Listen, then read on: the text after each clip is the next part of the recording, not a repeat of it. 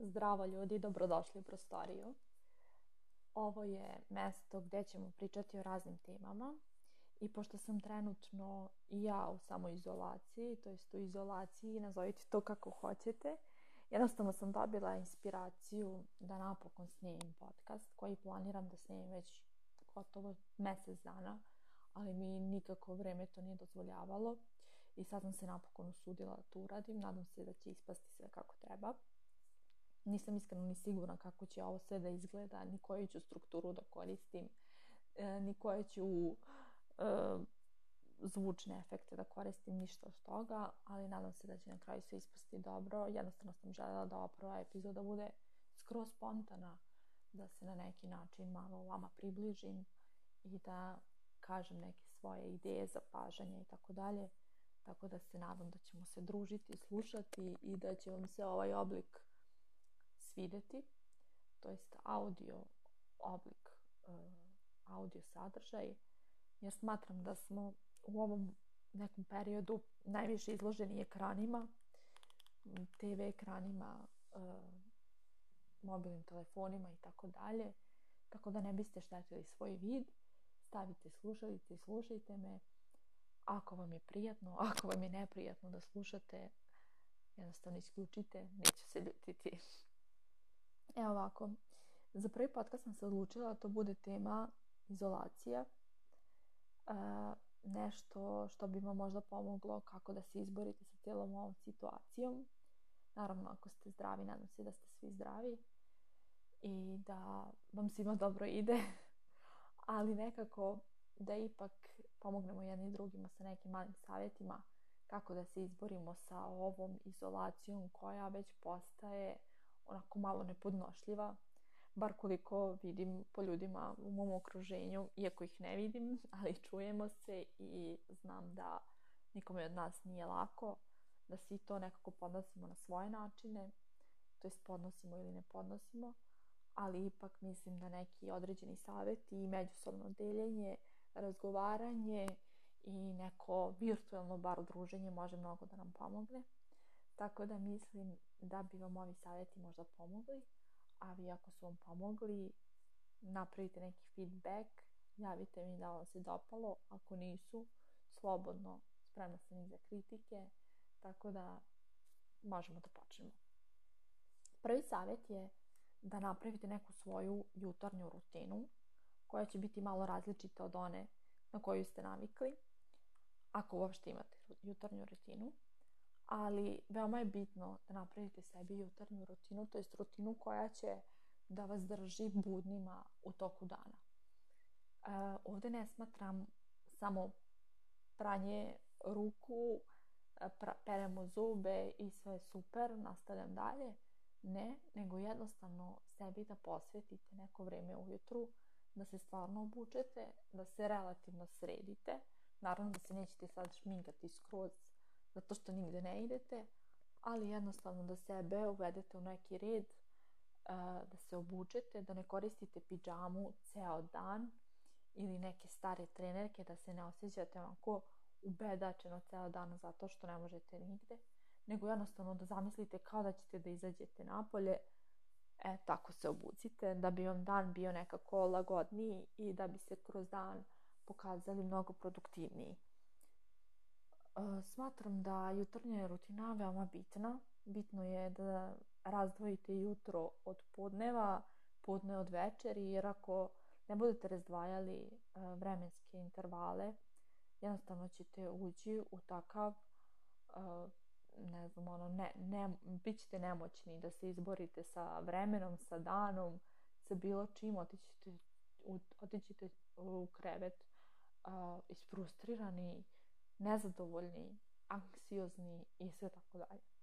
Znači, jutarnja buština pod broj 1 i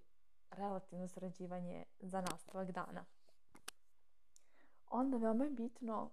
pod broj 2,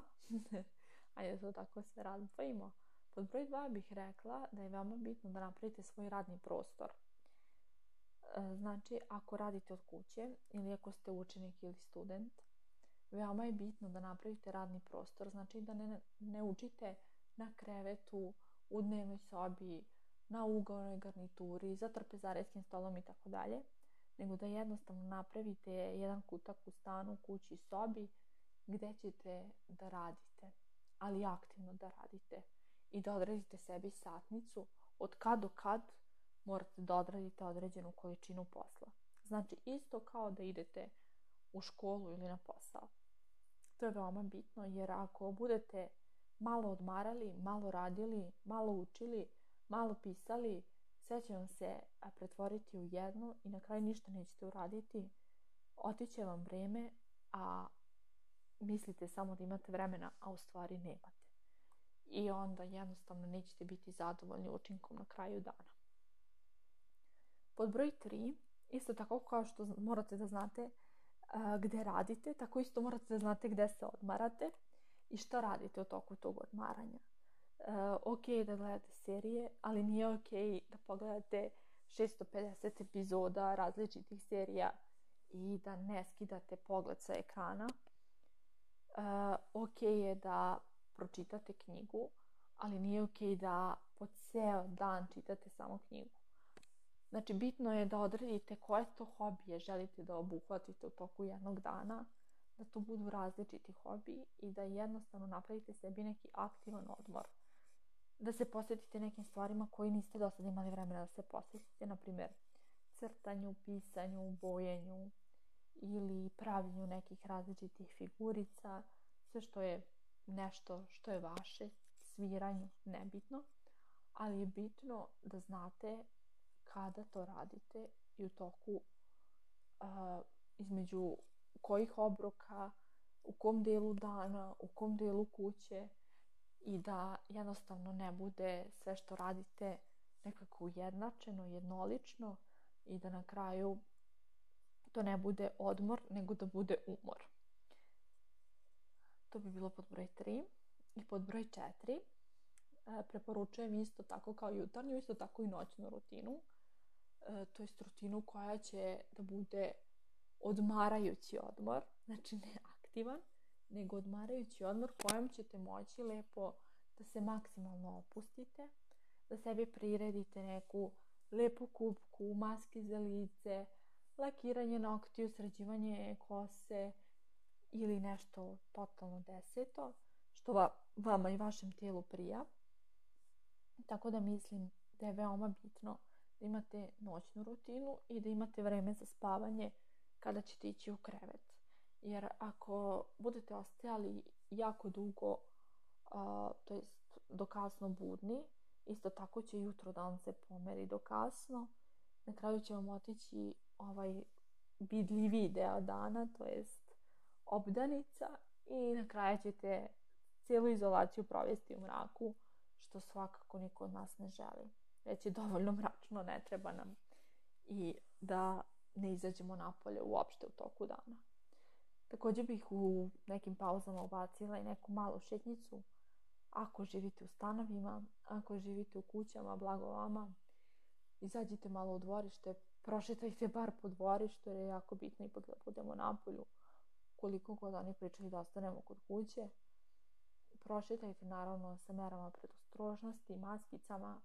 rukavicama i tako dalje, ali nemojte sebi to dozvolite da bar malo ne vidite dan, da bar malo ne osetite sunce na svojoj koži, jer poremetit ćete ceo bioritam i bukvalno postaćemo svi vampiri ako dozvolimo da, da nas ova situacija proguta. Tako da, to bi bili neki moji saveti ne mogu ni reći ni da su savjeti, nego eto tako samo neke e, stvari koje ja možda primenjujem da bi mi ih bilo lakše u ovoj situaciji. Nadam se da ste svi dobri, nadam se